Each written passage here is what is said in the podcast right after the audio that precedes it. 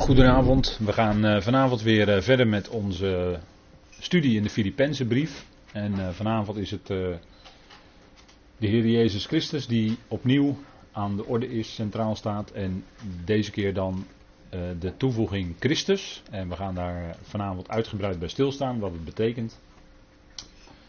En we kijken wel hoe ver we komen qua inhoud van de schriften.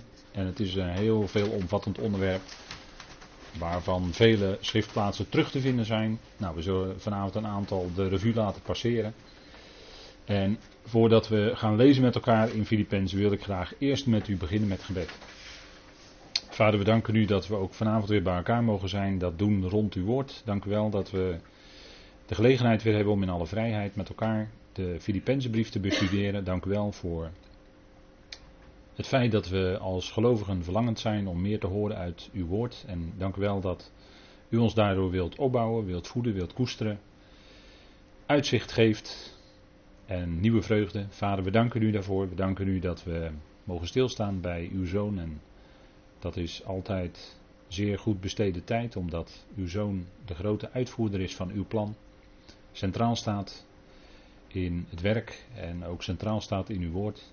Vader, dank u wel dat we ook vanavond mogen bidden dan om de geest van wijsheid en onthulling in de erkenning van u.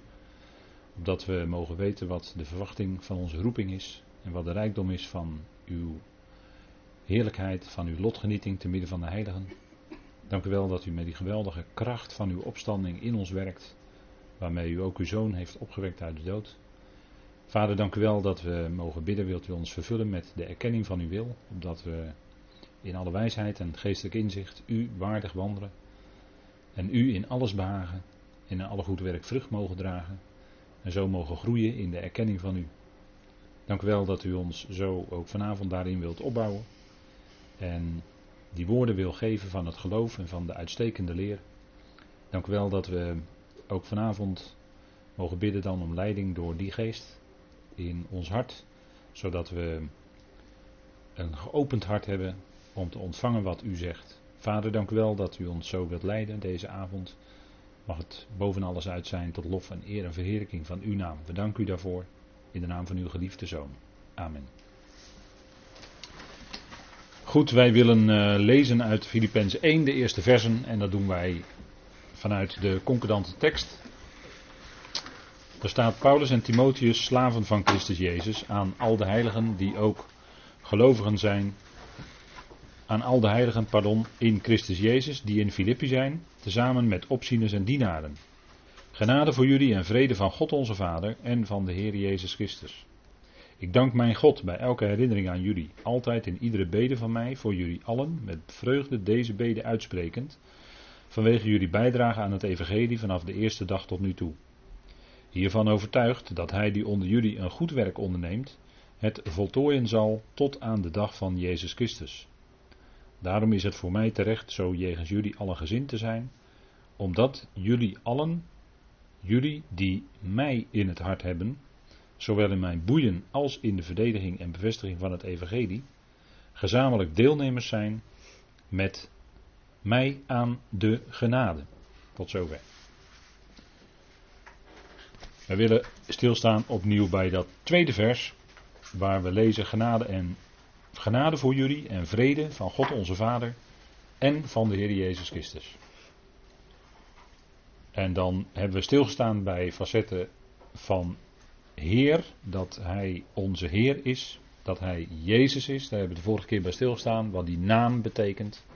De naam van onze Heer, Jezus, dat is JW, is redderen, hebben we gezien met elkaar. En dan willen we vanavond stilstaan bij Christus. Wat betekent het dat hij Christus is? En dat, uh, ook dat heeft een enorme rijkdom aan inhoud in zich. Hè? En wij uh, zullen kijken naar wat het te betekenen heeft. U weet natuurlijk dat Christus betekent in het Hebreeuws, Christus is een uh, Grieks woord. En in het Hebreeuws is dat het woord uh, Messias. En dat betekent eigenlijk gezalfde. Dat is eigenlijk wat uh, de titel Christus ook betekent in het Grieks. In het Hebreeuws is Christus de Mashiach. En dat komt van het woord Mashach. Dan ontbreekt de jot die u hier wel op deze afbeelding ziet staan. Daarboven ziet u een paar takjes met olijven eraan. En uh, die olijven die moesten dan gestoten worden, zoals dat heet. En dan kwam er olie uit, rijpe olijven. En die olie die werd gebruikt voor onder andere de kandelaar in de tabernakel en in de tempel, zodat er licht was. Maar deze olie moest ook gebruikt worden bij het zalven. En dat, heeft een, dat had speciale ingrediënten. Uh, betekent letterlijk invrijven. En dan bijbetekenis met olie. Maar letterlijk is de betekenis invrijven. Mashiach. Dat is uh, een aanduiding van iemand die komt als gezalfde en gezalfd tot iets. Hè. Dat heeft uh, altijd een bepaalde, duidt altijd een bepaalde functie aan. Een bepaalde eigenheid van iemand. En dat heeft zo zijn meerdere aspecten. En uh, als ik dan nadenk over een Messias, dan zou je kunnen zeggen, en dat is misschien wel een beetje merkwaardig, maar bijvoorbeeld koning Kores, die in Jezaja 45 tevoren wordt aangekondigd door de profeet, die wordt een Messias genoemd. Terwijl hij geen relatie had met de God van Israël. En toch wordt hij door God ingezet als een Messias. Als was hij een gezalfde. Wordt zo genoemd, hè? Jezaja 45, vers 1. Kunt u het nazoeken. Nou, dat is koning Kores. Dat is iemand die door God geroepen werd. Nu moesten de priesters gezalfd worden. Hè? Mozes kreeg opdracht dat er zalfolie bereid moest worden. En dat de priester, degene die aangesteld werd tot priester, moest dat, uh, moest dat, die aanstelling moest dan gebeuren door middel van zalving. En dat was een letterlijke zalving met een bepaalde olie. En die olie had vijf ingrediënten. En dan vind ik vijf altijd heel mooi, want vijf is in de Bijbel onder andere het getal van de genade. Dus dan word je eigenlijk begenadigd in een priesterlijke bediening, zou je kunnen zeggen. En de hoofdbestanddeel was dus de olijfolie. Daar moest één hin, zoals het dan heet, olijfolie voor gebruikt worden. En dat is zo'n 6 liter, zegt men. Dus dat is nogal wat. Daar moet je heel wat olijven voor stoten hoor, om, dat, om dan die liter te, eh, te kunnen hebben. En er moest in zitten vloeibare midden, geurige kaneel, uh, vloeibare midden 500 sikkel en 1 sikkel is dan 10 tot 13 gram ongeveer. Dus dan, dat is nogal wat. Geurige kaneel, geurige kalmoes en cassia. 500 sikkel, 250 sikkel, 250 sikkel, 500 sikkel, respectievelijk. Daarvan moest de zalfolie bereid worden. Zo staat het in Exodus 30, vers 22 tot 24. Kunt u nalezen. Hè? Maar dit waren de ingrediënten. En u ziet dat het ene ingrediënt is bitter. Dat is de mirre. Wie zei dat nou? Noem mij maar Mara. Wie zei dat ook alweer? Naomi zei dat. Noem mij maar Mara. He? Niet meer Naomi, de lieflijke, maar noem mij maar Mara. Bitterheid. Want zij verloor.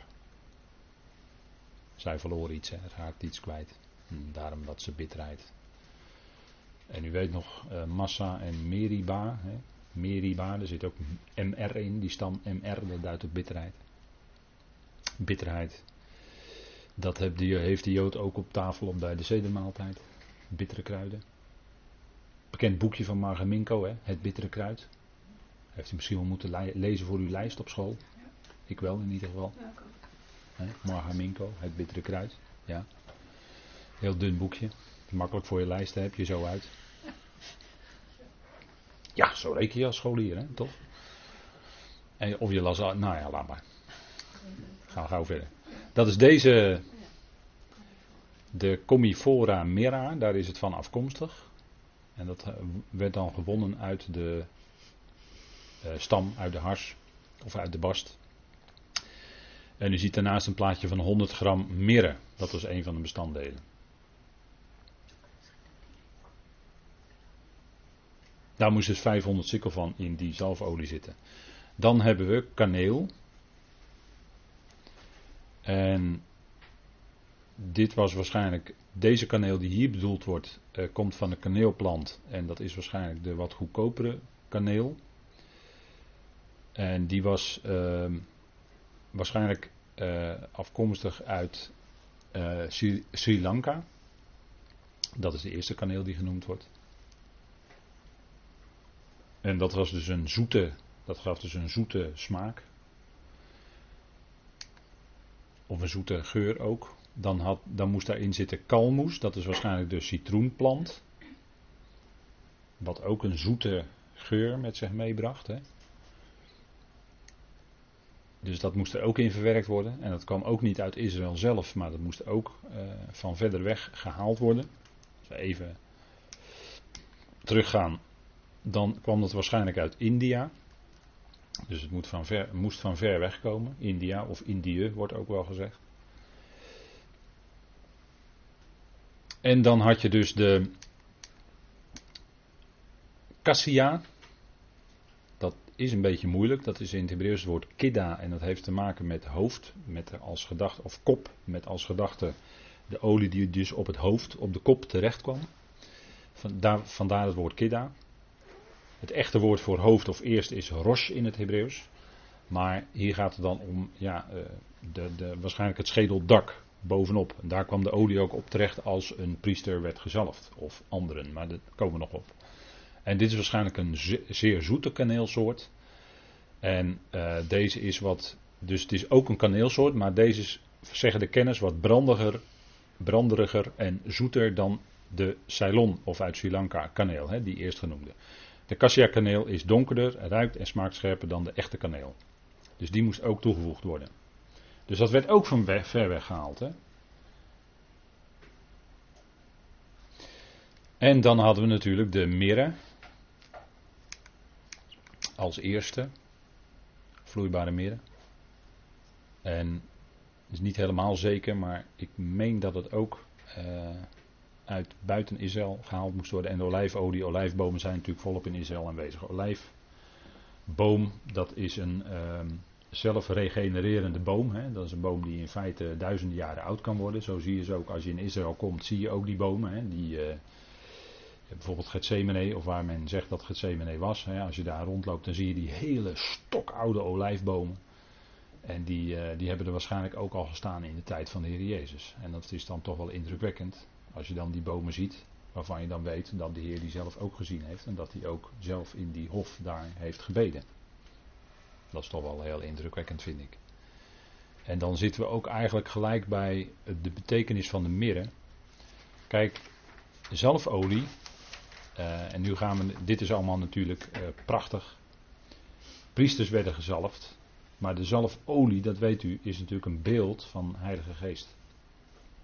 Daarom werden ze gezalfd, de priesters en ook anderen in Israël.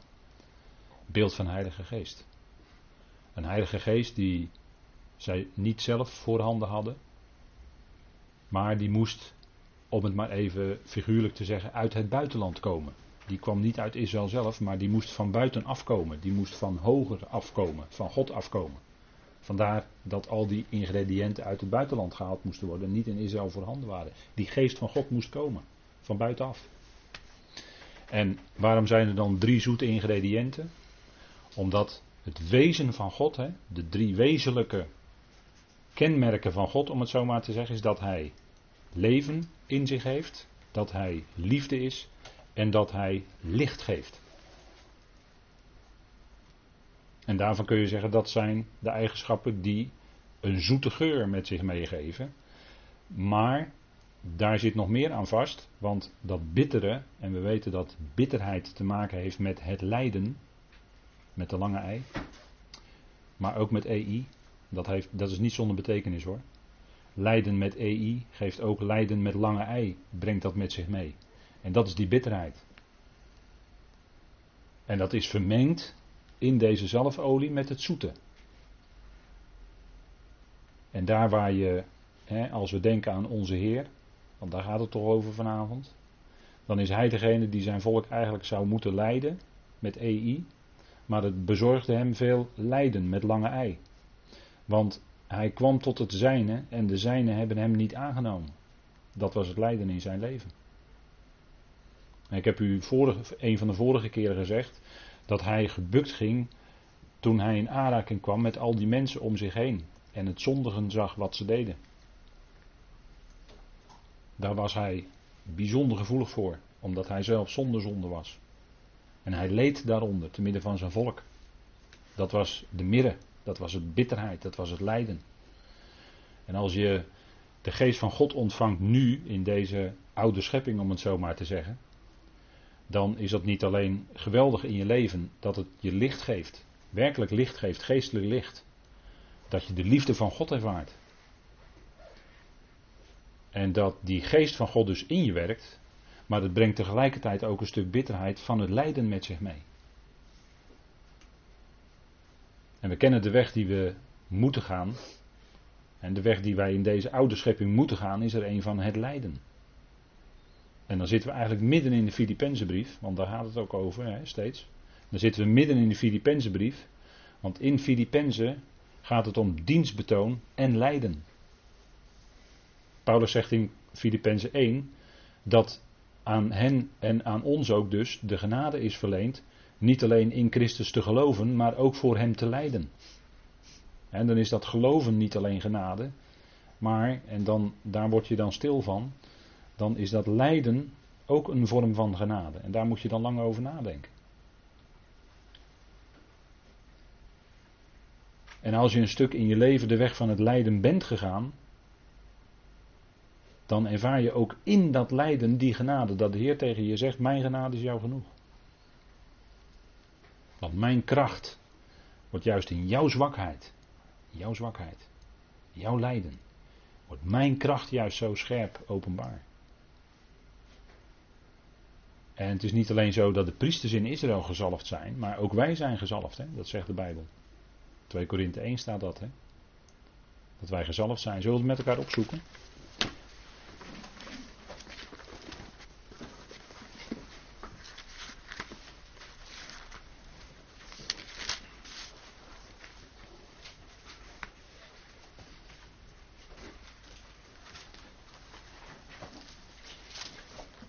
2 Korinthe 1 en dan lezen we met elkaar vanaf vers 20.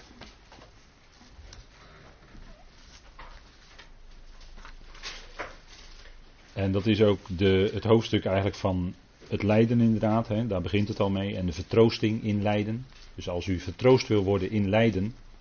Dan zou ik zeggen neem als maaltijd dan 2 Korinthe 1 totje. Hè, dat heb je dan nodig.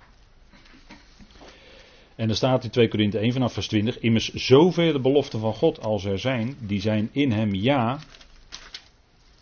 en in hem amen. Tot verheerlijking van God door ons. En hij die ons met u bevestigt in Christus en ons gezalfd heeft, is God. Kijk, we zijn gezalfd. We hebben de geest ontvangen, we zijn mee gezalfd. Hè? Die ons ook verzegeld heeft, hè? verzegeld met de geest en het onderpand van de geest in onze harten gegeven heeft. He, wordt door Paulus nog eens flink herhaald in uh, Efeze 1, vers 13. He. Dat onderpand, die waarborg en dat, die verzegeling, dat lezen we ook in Efeze 1, vers 13. En hier lezen we dus dat wij ook gezalfd zijn. He. Nou, de gezalfd zijn, dat is altijd, heeft altijd te maken met de geest van God. Hij heeft, en dat, dat wordt ook direct gezegd in vers 22 die de geest in onze harten gegeven heeft. Ziet u dat salven hier direct verbonden wordt met de geest in ons hart? En dat gaan we zien hoor, dat het steeds zo is in de schrift. Dat als er sprake is van het woord salven, dat er dan in de context gesproken wordt over de geest en de werking van de geest. En dat zit al in hoe die zalfolie dus bereid moest worden. En wat een wonderlijke mengsel is van olijfolie, hè, wat ook uh, licht geeft natuurlijk. Maar wat als geen ander een geweldig type is van de Heilige Geest. Van de Geest van God. En wat een wonderlijke vermenging is van zoet en bitter. En dat is ook eigenlijk wat ons leven als gelovigen kenmerkt. Dat is een wonderlijke mengeling zou je kunnen zeggen. Van zoetheid, de vreugde in je hart over de geestelijke zegeningen die we hebben ontvangen. En tegelijkertijd het lijden wat we ervaren, de bitterheid. Die wonderlijke, wonderlijke mengeling, hè, die hebben we als gelovigen. En dat is altijd als je uitgekozen bent door God. Hè, dat geldt zowel voor Israël, wat een enorme weg van lijden moet gaan. Moest gaan en zal nog moeten gaan. En ook wij zijn uitgekozen door God. En dat brengt dan ook tegelijkertijd lijden met zich mee. Ja, dat brengt lijden met zich mee. Dat is geen makkelijke weg. Maar in dat lijden worden we enorm vertroost door de troostvolle woorden die God geeft. Dat het niet buiten hem omgaat, dat hij nabij is, dat hij je draagt. En dat het lijden is ook beperkt. Hè? Aan het lijden zit een beperking. Want we lijden, dat is een moeilijke weg, maar het is in de verwachting dat die heerlijkheid ook gaat komen. Lijden, het is door lijden heen tot heerlijkheid. Dat is de weg. Hè? En dat is de weg die de zoon ging, die ook in Filippenzen 2 staat. Door lijden heen, maar wel tot ongelooflijke heerlijkheid. En die heerlijkheid die is zo ongelooflijk groot. Dat zal ver onze verwachtingen overtreffen. Dus die zalfolie die had verschillende ingrediënten en daarom is het goed daar even bij stil te staan. En daar eens even te kijken wat daar nou precies in verwerkt zat. In die, in die zalfolie die gebruikt moest worden, de heilige zalfolie. Die olie die speciaal apart gezet werd om priesters te zalven. Nou, Mozes moest dat doen. Hè. En zo kwam men dan, door dit te mengen, kwam men tot die olie. Wat dus een hele zoete geur waarschijnlijk met zich meebracht.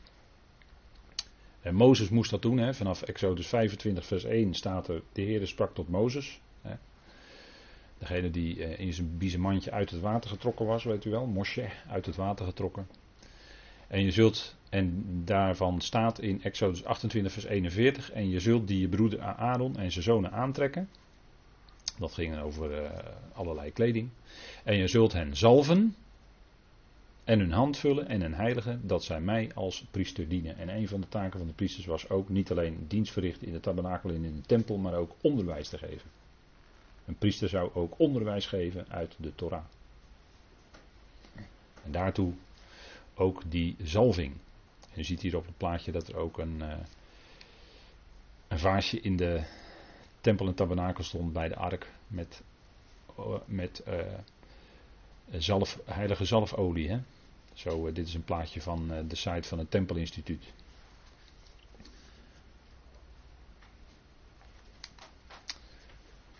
Wie werden nog meer gezalfd, behalve priesters in Israël? Ook koningen werden gezalfd. Hè?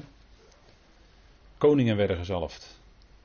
Samuel kreeg de opdracht om Saul, hè, Shaul, hij die gevraagd was door het volk.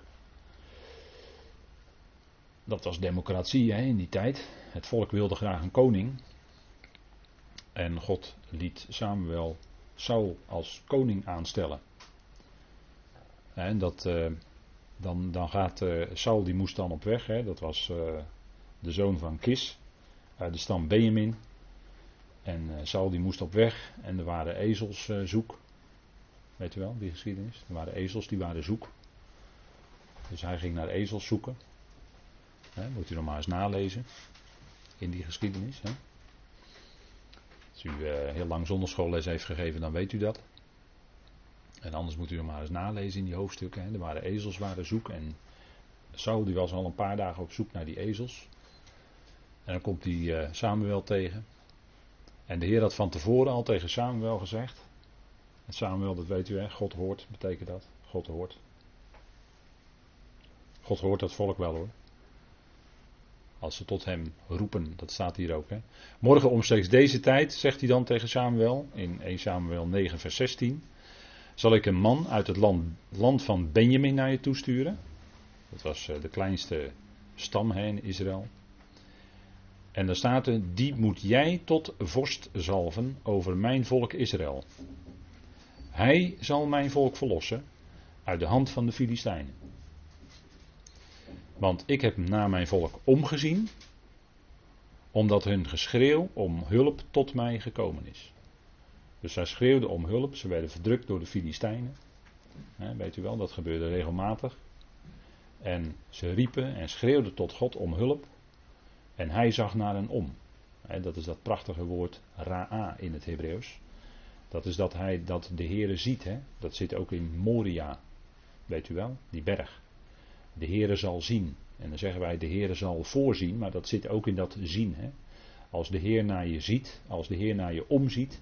Dan voorziet hij ook in wat nodig is. En hier voorziet hij het volk dan van een koning. Koning Saul. En dat was de keuze van het volk. dat was een grote, stoere, sterke vent. Hij stak een kop boven de rest uit. Het was de keuze van de mens. van het volk. En de Heer had omgezien naar zijn volk. de Heer zal zien. Zo ziet de Heer ook om naar u en mij in ons persoonlijk leven. Want dat is gelijk dan de toepassing voor ons. Hij ziet ook ons, hij kent de schreeuw misschien van ons hart. Of het roepen wat we tot hem doen in de binnenkamer. Dat niemand het hoort, maar hij hoort het wel. En hoeft het niet eens uit te spreken, want hij kent uw hart. Hij hoort uw hart. En dan voorziet hij in wat nodig is. Ja, want hij ging niet onverschillig aan het geschreeuw van zijn volk voorbij hoor. Hij heeft het volk lief, hij is liefde. Dus hij reageert. En hij zag om, hè? dat zit ook in die naam Ruben, de eerstgeborene, weet u wel. Daar hebben we bij stilgestaan bij de Bijbelstudie Openbaring vorige week. En toen trof het mij dat Ruben betekent zie een zoon. En dat zien vooral, hè? dat zien wat God deed. En hij gaf Lea een zoon. Zie een zoon. En dat is eigenlijk natuurlijk een geweldig type, natuurlijk, wijst heen naar onze Heer Jezus Christus. Waarbij Jozef en Maria ook konden zeggen: Zie een zoon. En wat voor een. En wat voor een. Onze Heer Jezus Christus. Hè? Wat is dat geweldig als hij door de Heer gegeven werd aan zijn volk. Want hij kwam om zijn volk te redden van hun zonden, staat er dan. Hè, in Matthäus 1. En daarom wordt hij ook de Christus genoemd, hè, de gezalfde, de Messias. Waar al zo lang op gewacht was en waar ze zo blij mee waren. Hij had naar zijn volk omgezien.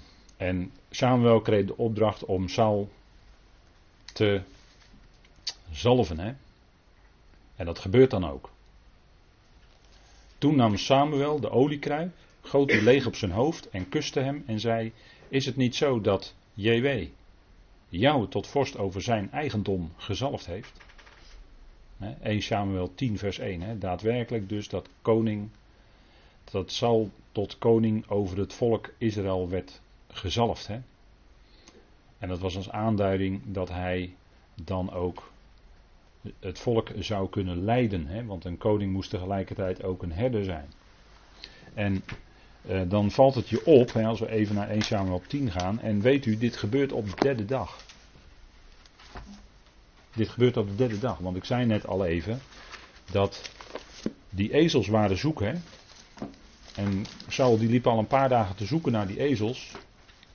Maar nu zijn ze daadwerkelijk gevonden. En dat gebeurde op de derde dag. En de derde dag is altijd de vervulling van de belofte. De derde dag heeft te maken met de opstanding. En daarom heeft de derde dag ook te maken met de krachtige werking van de geest. Want dat gebeurde natuurlijk toen onze Heer opgewekt werd. Dat deed hij niet in eigen kracht, maar dat was de kracht van de Vader, de geest van de Vader, die hem opwekte uit de doden. Dat was op de derde dag. En 1 Samuel 10. Daar lezen we dan dat hij gezalfd werd. En dan uh, zegt Samuel een aantal dingen tegen uh, Saul. In 1 Samuel 10. En dan zegt hij, je moet daar en daarheen gaan. Daar zal je een groep profeten tegenkomen, vers 5. Die komen van de hoogte af. En dan staat er in vers 6: Dan zal de geest van JW over u vaardig worden. En u zult samen met hem profiteren. U zult in een ander mens veranderd worden. Ziet u het? Dat is het werk van de geest. Hè? En we lezen dan ook in vers 9. En het gebeurde toen Saul zich omkeerde om bij Samuel weg te gaan, dat God zijn hart in een ander veranderde en al die tekenen overkwamen hem op die dag. Ziet u het? Dus hij is gezalfd door Samuel en daarna wordt de geest vaardig over hem. En gaat hij profeteren en komt hij ook andere profeten tegen. En hij verandert, hè? Hij wordt, een, hij wordt door de werking van die geest wordt hij een ander mens. En dat is toch bij ons ook zo. We hebben toch uitgebreid stilgestaan bij de vrucht van de geest. Nou, als die geest van God in ons werkt, dan gaan wij veranderen en wordt die vrucht van de geest in ons leven zichtbaar. Dan worden we een ander mens. En als we kijken naar koning Saul en we kijken naar Saulus, dezelfde naam hoor in het Hebreeuws, gewoon dezelfde naam, precies dezelfde naam. En we kijken naar Saulus, je eens kijken hoe Saulus veranderde in Paulus en hoe, het een, hoe hij een ander mens werd. Hoe God zijn hart veranderde, hoe? Door de inwerking van zijn geest. En het was niet Saulus zelf die dat bewerkte. Nee, dat was de geest van God in hem die het bewerkte. En, en dat is ook wat, als wij in ons leven iets, maar iets zien, zelf misschien dankbaar, blij constateren, dat in ons leven wij de ander, naar de ander toe geduld kunnen hebben, naar de ander toe een stukje liefde kunnen betonen, dan is dat altijd dankzij de werking van de geest van God in ons. Kan nooit ons eigen werk zijn. Is altijd zijn werk. En daar waar, ik heb een vorige keer, meen ik gezegd, daar waar wij ons kunnen inhouden of beheersen, is dat altijd dankzij de inwerking van de geest van God. En die werkt door het woord, die werkt op het woord. En zo werd koning Saul ook tot een ander mens. Hoe? Niet door die zalving, maar door de geest waar die, waar die olie van spreekt. Daardoor veranderde hij. En natuurlijk kennen we de tragiek in het leven van koning Saul. Dat het later allemaal anders liep, anders ging. En dat God hem uit zijn koningschap stelde, uit zijn koningschap zette en David voor David verving. Even kwam een ene Isbozet tussendoor. Hè. Maar dat hij door koning David eigenlijk werd vervangen. Waarom? Een van de redenen was omdat hij het woord had verworpen. Hij had het woord van JW had hij niet in acht genomen. Hij had het woord verworpen. Staat er in Samuel. Staat er allemaal bij. Dat hij het woord verworpen had en daarom was hij, kon hij niet langer koning zijn. Kon hij niet langer ingezet worden als koning. want dat woord is natuurlijk ongelooflijk belangrijk dat dat in acht genomen werd in Israël. Nou, dat, dus die zalving, u ziet daarin direct verband met de werking van de geest. Hè?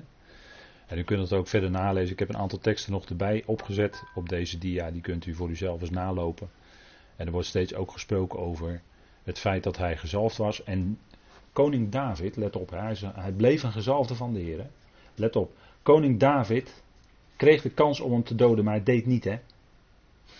Hij zegt, ik kom niet aan een gezalfde van de Heer. Daar kun je niet aankomen. Hij is een gezalfde van de Heer, daar blijf ik af. En dan liet de Heer zelf het uitwerken. En ik denk dat dat toch een lijn is hoor. Dat het niet, nooit bij de Heer ongemerkt kan zijn als iemand komt aan een gezalfde van de Heer. Dat kan niet, dat kan niet zomaar voorbij gaan. Dat heeft gevolgen. En daarom was koning David, die, die, die zelf heel goed wist en zelf ook gezalfd was natuurlijk, maar die was zich heel goed bewust van dat is een gezalfde, daar kan ik niet aankomen. Hij kreeg twee keer de kans om hem te doden, maar hij deed het niet. dat, en, en zo kon God zelf het uitwerken. Nou, dat is belangrijk hoor, dat, dat zulke aspecten. Nou, we weten dat koning David ook gezalfd werd. Hè? En het bijzondere is, bij koning David, David is de geliefde, hè? dat betekent zijn naam da Daoud, hè? of Daid, betekent geliefd. Hè, dat is heel mooi dat is eigenlijk een prachtig, ook weer een prachtig type van onze Heer, hè, koning David. Dat is natuurlijk een geweldig schaduwbeeld van de ware grote koning die later zou komen. De Heer Jezus Christus. Hè. Maar koning David werd drie keer gezalfd. En is hij daarin niet bijna een volmaakt type van onze Heer? Onze Heer die ook als het ware drie aspecten van zalving in zich heeft. David werd eerst door Samuel gezalfd tot koning. Die eerst alle zoons van Izzy afliep en ja, wacht even, er is er nog eentje bij de schapen daar, daar in de wei. Er nog eentje, de achtste. En dat was David en die moest gezalfd worden. Die was niet zo groot van gestalte hoor. Was veel kleiner qua lengte dan koning Saul. Het was dan ook niet de keus van de mens. Het was de keus van de Heer.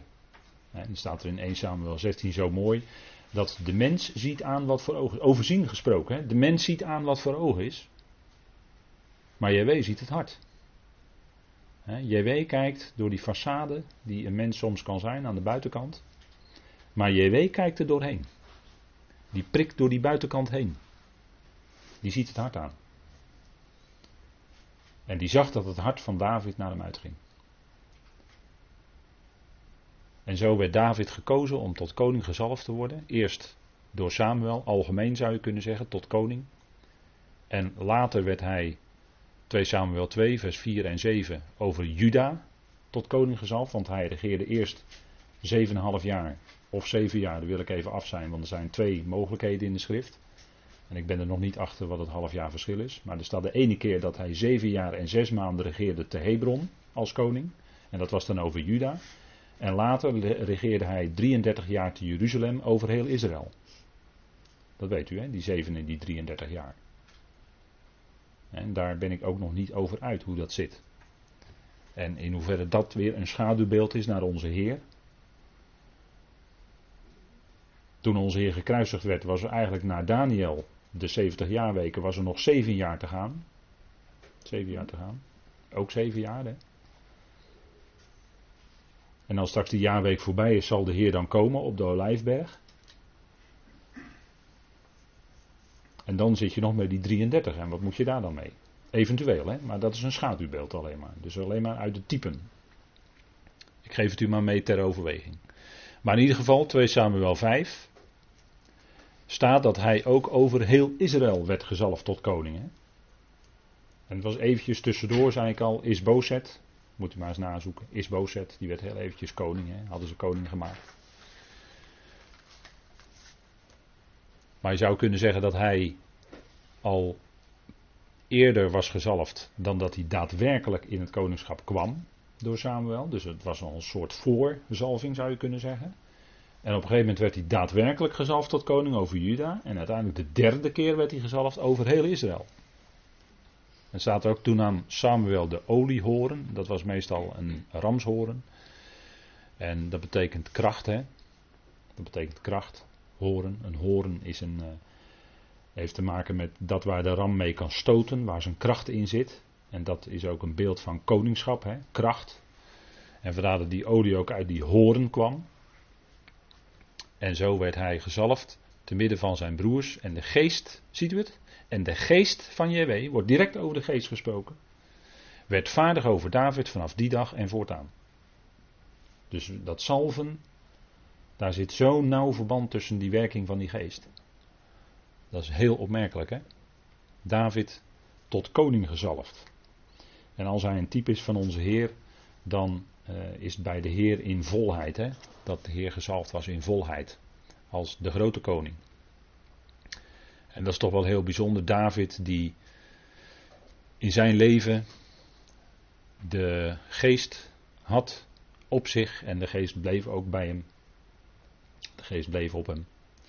En zo kon hij daadwerkelijk een goed koning zijn over Israël. Met alles wat je daarbij natuurlijk kan opmerken. Hij had oorlogen gevoerd, er uh, kleefde bloed aan zijn handen. Uh, hij ging enorm onderuit met Bathseba. Waarbij de profeet op een gegeven moment nog bij hem moest komen en duidelijk maken: David, jij bent die man. Jij bent die man die dat uitgehaald heeft. En notabene Uria naar het front gestuurd heeft zodat hij zou sterven.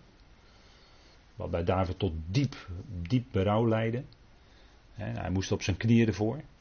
Nathan moest tegen hem zeggen: Jij bent die man, David, die dat uitgehaald hebt. En toen was hij zich bewust wat hij, wat hij gedaan had. In het oog van God. tegen u heb ik gezondigd, zegt hij dan in Psalm 51. Maar ook kreeg hij de vergeving. En dat lees je in Psalm 32. En dan, dan roept hij met vreugde uit nadat hij enorm in de druk had gezeten en diepe rouw had gehad daarover. Welzalig, hè? wel gelukkig zalig de, man, de mens die door de Heer vergeven is. Dat wordt door Paulus ook nog aangehaald in, in de Romeinenbrief. Hè? Maar dat was niet uh, zomaar eventjes makkelijk weg. Nee, dat, dat moest eerst goed aan de orde komen in, in het leven van David. En toch bleef David koning. Hè? Toch bleef David koning. Letterlijk naar de wet hadden zowel hij als Bathseba gestenigd moeten worden. Zo staat het in de wet. Zo staat het in de Torah. En toch bleef hij koning. En daarin zien we weer die genade en die vergeving van de Heer in zijn leven. Waar hij zo diep dankbaar voor was en waar hij geweldige psalmen voor heeft gedicht. Hè. Geweldig. David was de man naar Gods hart. Wordt toch van hem gezegd. Hè. En daarin zien we dat, dat God uh, uh, kan, kan werken zelfs met zondaren. Dat God door zondige mensen heen toch zijn werk uitwerkt. Dat is het wonderlijke. Dat hij dan ook u en mij wil gebruiken, dat is ook nog, dat is net zo wonderlijk. Hè? God gebruikt mensen. Hè? God gebruikt geen organisaties, maar God gebruikt mensen. Nou, zo gebruikt hij u en mij. Hè, wat wonderlijk. Hè, terwijl wij ons bewust zijn, ja, in onszelf, dat vlees is allemaal niks. Maar hij heeft ons een geest gegeven. We zijn verzegeld, we zijn verlost. We zijn zelfs gerechtvaardigd om niet. En dat, dat, is, dat is die wonderlijke verlossing waar je alleen maar, als je er goed over nadenkt, in het licht van Gods woord. Als je er goed over nadenkt en, en ziet in het licht van zijn woord wie je in jezelf bent. Dan heb je blijdschap en vreugde over die verlossing hoor, in je hart. Over die genade die, eh, die is ten deel gevallen. Ongelooflijk, wat een genade. Dat is zo groot hè. Nou, het leven van David. Toonbeeld eigenlijk van Gods genade zou je ook kunnen zeggen. Als je het van, van, van God uit bekijkt. God ging zijn weg, dwars door alles heen met hem. Koningen gezalfd in Israël, Salomo. En ook wonderlijk bij Salomo staat ook twee keer dat hij gezalfd werd. Hè? Eerst in 1 Koning 1 vers 39. Hij werd tot koning gezalfd. En er staat dan, en de priester Zadok nam de oliehoren, daar heb je hem weer, hè, de oliehoren de horen waaruit de olie komt, uit de tent en zalfde Salomo. Ze bliezen op de bazuin en heel het volk zei: Leven koning Salomo. En dan staat er in 1 Kronieken 29, vers 22 dat hij opnieuw werd gezalfd. Zullen we het even lezen met elkaar? 1 Kronieken 29.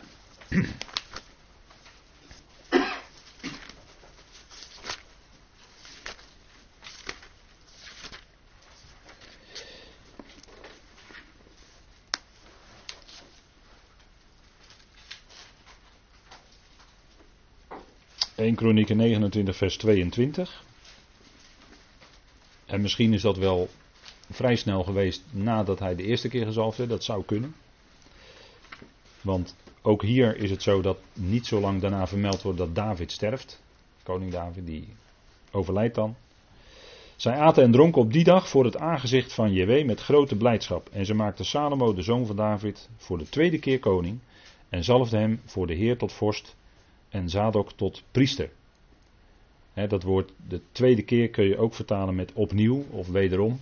dat Hebreeuwse woord wat er staat, dat heb je verschillende mogelijkheden. Kun je vertalen met dubbel eventueel. Dat zit er allemaal een beetje in. Shana, dat heeft te maken met iets wat verdeelt. In ieder geval wijst dat op iets wat opnieuw gebeurt of wat eh, weer plaatsvindt. En ehm, ja, dat heeft ook nog andere afleidingen, maar goed, dat gaat nu even te ver. Maar in ieder geval staat er dat hij opnieuw tot koning werd gezalfd. Dus hij werd dubbel gezalfd ook. Hè? Salomo was een dubbel gezalfde dus. En misschien is dat ook wel de reden waarom zijn uh, regeerperiode uh, zo enorm voorspoedig was. Van David wordt ook gezegd, dat schiet me nu te binnen, dat de Heer hem groot maakte als koning. De Heer gaf het David dat hij een groot koning kon worden. Dat, dat hebben we ook bij, bij eh, de bespreking van de openbaring gezien. Hè, dat de Heer geeft het op een gegeven moment dat ook een heidense koning, zoals Farao, groot kan worden. De Heer wekt, iemand op en laat iemand groot worden, over de Assyriërs die moeten komen. Hè, dan, dan het Assyrische Rijk. En dan, dan is het eigenlijk zo dat God ervoor zorgt dat een Assyrisch Rijk groot kan worden. Met andere woorden, als God het niet wil, wordt het ook niet groot. En dat geldt vandaag precies eender hoor. Een rijk kan alleen maar uitgroeien tot een wereldrijk.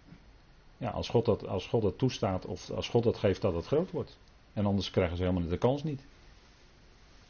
En wat denkt u van het volk Israël? Waarom is het volk nooit geassimileerd onder de volkeren, terwijl ze 2000 jaar in de diaspora zijn geweest? En waarom bestaan ze nu nog steeds als volk? Omdat God ze bewaard heeft. En dat die brandende braamstruiken was, waarbij die braamstruik niet opkwam in de vlammen. Dat was, een, dat was al een type daarvan, een profetie. Wat Mozes zag. En doe die schoenen maar van je voeten, schoei ze maar van je voeten, Mozes, want je staat op heilige grond.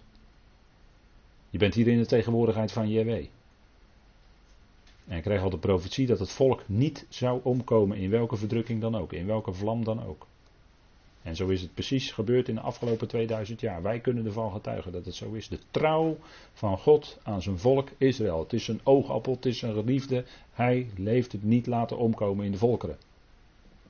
En dat kan geen ander volk zeggen. Als een ander volk verstrooid zou zijn geweest onder de volkeren, zouden ze niet meer bestaan. Maar Israël wel. Dat is een beeld van Gods trouw, hè? van dat ze een verbond met een eed gezworen heeft. Dat is dus een verbond met een eed gezworen. Dat heeft hij dus gezegd, hè, God. Dat heeft hij gezegd. En nu na 2000 jaar verstrooiing kunnen wij dus constateren dat die woorden van God dus heel betrouwbaar zijn. Hè? Dat die blijven staan. Dat er geen woord op de aarde zal vallen, maar hij heeft het gezworen met een eed. In de Bijbel wordt ook wel eens gezegd, wie is er nog? De vraagt de profeet zich dan wel eens af bij gelegenheid in Israël. Wie is er nog die beeft voor zijn woord? Beven in de goede zin, hè? Maar voor zijn woord. We hebben niet zomaar met iets te maken, we hebben met Gods woord te maken. Niet met het woord van mensen. Daarom was Paulus blij over die Thessalonicenzen. Dat is het woord wat hij had mogen spreken niet aanvaarden had als een woord van mensen, maar als het woord van God. Daar was hij blij over bij de Thessalonicenzen. 1 Thessalonicenzen 2 hè, staat dat. Dat dus, dus als we bezig zijn met het woord van God, zouden we goed beseffen waar we mee bezig zijn. En dan is het ook nodig om heel nauwgezet iedere woord wat er staat. Bij wijze van spreken iedere letter die er staat, want er staat geen letter verkeerd. Er zal geen titel of jota vervallen, zegt de Heer Jezus. Voordat al deze dingen, dat de hemel en de aarde voorbij gaan. Maar eerst zullen al die dingen geschieden. En voor die tijd zal er geen titel of jota vallen. Kijk, zo nauwkeurig is het woord van God. Hè? Zo nauwgezet wordt dat vervuld. En dat is, dat is, wat we, hè, dat is wat we dan in handen mogen hebben. Wat een voorrecht dat we zo'n woord met elkaar mogen overwegen en bedenken. Nou, koningen gezalfd in Israël, dat gold bijvoorbeeld ook, we gaan verder, voor koning Jehu, dat betekent hij is ja, afkorting van de naam Yahweh, hij is ja, heel mooi die betekenis. En er wordt eh, tegen uh, Elia wordt dan gezegd, de Heer is God, Elia, geweldige profeet. Maar die, was ook, eh, die, die kon ook wel eens ineens in een flinke dip zitten. Ja, had een grote overwinning gehaald bij de Baalpriesters. Maar ineens zat hij in de dip. En toen zei God tegen hem: Wacht even, wacht even, Elia. Ik heb mij 7000 mannen overgelaten die hun knieën niet gebogen hebben voor de Baal. Gelovig overblijfsel. Dat was een enorme bemoediging voor Elia. Die zich wel eens afvroeg van, ja, wie, wie, wie zal er nog dat woord, woord wat ik mag dragen, wie zal het nog aanwaarden? Wie gelooft dat nog? Wie staat er nog achter? Elia, er zijn nog 7000. Het overblijfsel. Wordt Paulus nog aangehaald in Romeinen 11, weet u wel. want wat zegt de Godspraak tegen hem? Er zijn nog 7000 die hun knieën niet gebogen hebben voor de Baal. Die zich hielden bij het woord. Enorme bemoediging voor Elia. Elia zat op dat moment gewoon in de put. Hij was een groot profeet, maar hij zat op dat moment ook in een dip. Ook gewoon mens. En dan komt die bemoediging van de Heer naar hem toe. En dan zegt de Heer tegen hem: Jij moet Jehu, de zoon van Nimzi, betekent ook uh, hij die uit het water getrokken werd. Hè. Dus u ziet daar de stam Mosh, MS. Moshi zit daarin, uit het water getrokken. Salve tot koning over Israël. En Elisa, de zoon van Safat uit Abel Mehola, moet u tot profeet salven in uw plaats. Dus hier zien we zowel een koning als een profeet die gezalfd werd. dus ook profeten werden gezalfd. Maar dat is maar heel sporadisch wordt dat ook echt vermeld in de schrift. En misschien heeft dat wel als reden dat die priesters en die koningen, die een bepaalde functie moesten uitoefenen in het volk, dat die gezalfd werden en daarvoor die geest van God nodig hadden. Maar ook soms enorm bleken te falen. Hè? Want priesters waren vaak ongeestelijk en koningen waren nog alles hardnekkig. Hè? Koningen die uh, brachten het volk nog alles tot afgoderij, weet u wel. Dat ze op de hoogten enzovoort. Nou, er zijn diverse koningen die zijn er berucht om. Maar de profeten, die moesten dan optreden. Als de priester ongeestelijk was en als de koning hardnekkig was, moest de profeet komen. En die moest dan het woord van God brengen. En vaak als eenling. En als ziener. Maar de profeten hadden steeds die geest bij zich. Hè? Want die moesten steeds dat woord van JW doorgeven. ook al was dat op, op bepaalde momenten helemaal niet gezellig. Wat ze dan tegen de koning moesten zeggen. Ik had het net over Nathan, de profeet Nathan, die bij David moest komen. Nou, ik geef het je te doen. Maar hij zei het wel. Hij moest het ook zeggen. En daarvoor had hij die begeestering, die geest van God, nodig om het te kunnen zeggen. Maar hij zei het wel. Dat is het woord. Dus die, die profeet had de geest bij zich. Hè? En zo werd Elisa ook gezalfd door Elia. En Elisa is heel mooi, dat betekent God is redding. Daar zit dat, weer, dat Yasha zit er weer in, hè, wat we vorige keer ook gezien hebben bij de naam van onze Heer. Hè, Yeshua. Daar zit datzelfde weer in, in dat Hebreeuws. God is redding. Daar vorige keer ook wat uitgebreider bij stilgestaan. Hè? Dat onze redding, welke redding dan ook, het is altijd van God. Het komt, elke redding komt bij God vandaan in ons leven. God is redder. Dat is luid en duidelijk de verkondiging van de Hebreeuwse schrift. En dan komt de Heer Jezus en die verkondigt precies hetzelfde. Dat God, JW, redder is. Hij is redder. En zo dan kan ook gezegd worden dat de Heer Jezus Christus zelf redder is. Dat zegt ook zijn naam. En Elia betekent dat ja, God is. Hè? En Elisa, die had een dubbel deel van de geest van Elia, wordt gezegd. Hè? Hij deed ook twee keer zoveel wonderen en tekenen. Ik heb dat wel eens uitgezocht. Ik heb er ook wel eens een keer over gesproken. Maar hij deed twee keer zoveel wonderen. Hij had een dubbel deel van de geest. En Elia, als je zijn leven naloopt, dan is hij eigenlijk een type van onze Heer in zijn vernedering. En Elisa is een type van onze Heer in zijn verheerlijking. Nadat hij opgestaan is en verheerlijkt is geworden. Ik geef het u maar mee. Hè? Dat u ook met die ogen die geschiedenis ook eens kan lezen. En dan zitten daar hele frappante dingen in.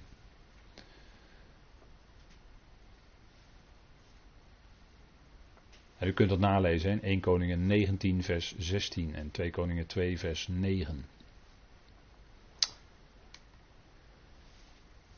En de Heer Jezus werd niet gezalfd, en we gaan dan nu verder naar de Heer Jezus, de vervulling van al die typen die we nu met elkaar besproken hebben.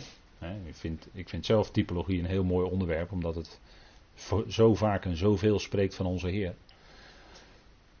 Maar als we dan bij de Heer zelf komen, hij werd niet gezalfd met letterlijke olie. Dat lezen we nergens. Hij werd wel gedoopt in de Jordaan, dat wel. Hij werd wel gedoopt in water, maar hij werd niet gezalfd met letterlijke olie. En er wordt ook bij zijn geboorte al gezegd, hè, in Matthäus, Jacob verwekte Jozef, de man van Maria, uit wie geboren is Jezus die Christus genoemd wordt. Dus hij werd bij zijn geboorte werd hij al als de gezalfde aangeduid. Hè? En dat kwam omdat hij niet later de geest op zich kreeg in, eh, als, als eh, wat nodig was, zodat hij eh, kon dienen. Dat is wel zo, maar hij was door Heilige Geest verwekt. Dat is uniek. Er was niemand anders.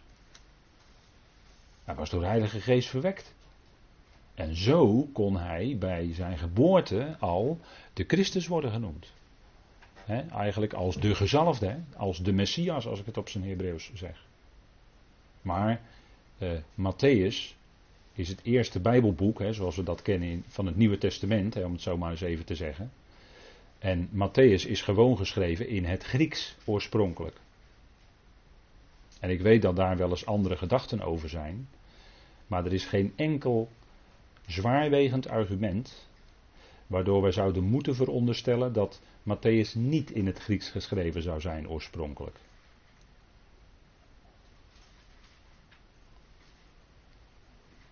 En vandaar dat dan de Griekse benaming Christus wordt gebruikt. Hè? Christus betekent ook gewoon gezalfde.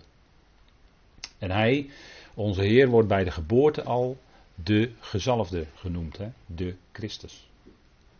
En wat een geweldige, wonderlijke gebeuren is dat natuurlijk geweest. Hè? Zij moeten beseft hebben, hè, Jozef en Maria, dat hij de Messias is die beloofd was. En dat, dat is hem. Hè? Maar moet dat een enorme vreugde bij, dat, bij, bij hen geweest zijn. En uh, als we kijken in 1 vers 18, Matthäus 1 vers 18, staat het ook nog, hè, de geboorte van Jezus Christus, gezalfde, was nu als volgt. En dan gaat de geschiedenis verder. Hè. Geweldige, wonderlijke geschiedenis. Hè. Ik heb u al gemeld dat bij de geboorte dus zijn vader naar de wet gerekend, staat in Lucas 3, hè, naar de wet gerekend, Lucas 3, laatste verse, was hij de vader van de Heer, Jozef. In werkelijkheid was God zijn vader, want hij was door de Heilige Geest verwekt. Maar er staat heel duidelijk nomizo, naar de wet gerekend was Jozef de vader. En er staat er in de vertalingen, weet u wel, hè, naar men meende, maar dat is een verkeerde vertaling, er staat eigenlijk naar de wet. Dus naar, naar de Torah gerekend, zoals u moet rekenen, was Jozef zijn vader. En dat was in de koningslijn en ook in zijn andere lijn. Hè. En bij zijn geboorte werd er door hemelse boodschappers gezegd. En ik vond deze plaat eigenlijk wel mooi, want hier staan geen vleugeltjes op. Want dat is, dat is ook nooit zo. Bij boodschappers die dan te zien zijn. Hè. Die worden altijd afgebeeld met vleugeltjes van oudsher, maar hier niet. En deze vond ik dus wel aardig. Hij is de gezalfde, hè, staat er in Lucas 2, vers 11. Dat heden voor jullie in de stad van David, let op, Bethlehem, hè, niet Jeruzalem, hè. Bethlehem wordt hier bedoeld, hè. Micha 5, vers 1. Bethlehem. Bethlehem, het broodhuis, daar kwam die vandaan. Als het ware levende brood. dat vind ik altijd zo mooi. Hè. Hij komt uit Bethlehem, Bethlehem, hè, huis van brood. En daar komt hij vandaan, het levende brood. Prachtig hè. Dat heden voor jullie in de stad van David, de geliefde, die dus ook een geweldig type is van onze Heer. Hè, de redder voortgebracht is, ziet u het? Hier staat het, hè? De redder, Jezus Christus, de redder. Hij kwam als redder voor zijn volk. Die is Christus de Heer. Ziet u, het wordt al luid en duidelijk gezegd dat hij de gezalfde is. En hij was bij zijn geboorte en daarna nog niet gezalfd met olie? Maar wordt al gezegd dat hij de gezalfde is. Dus dat lag daar eigenlijk al voor, hè?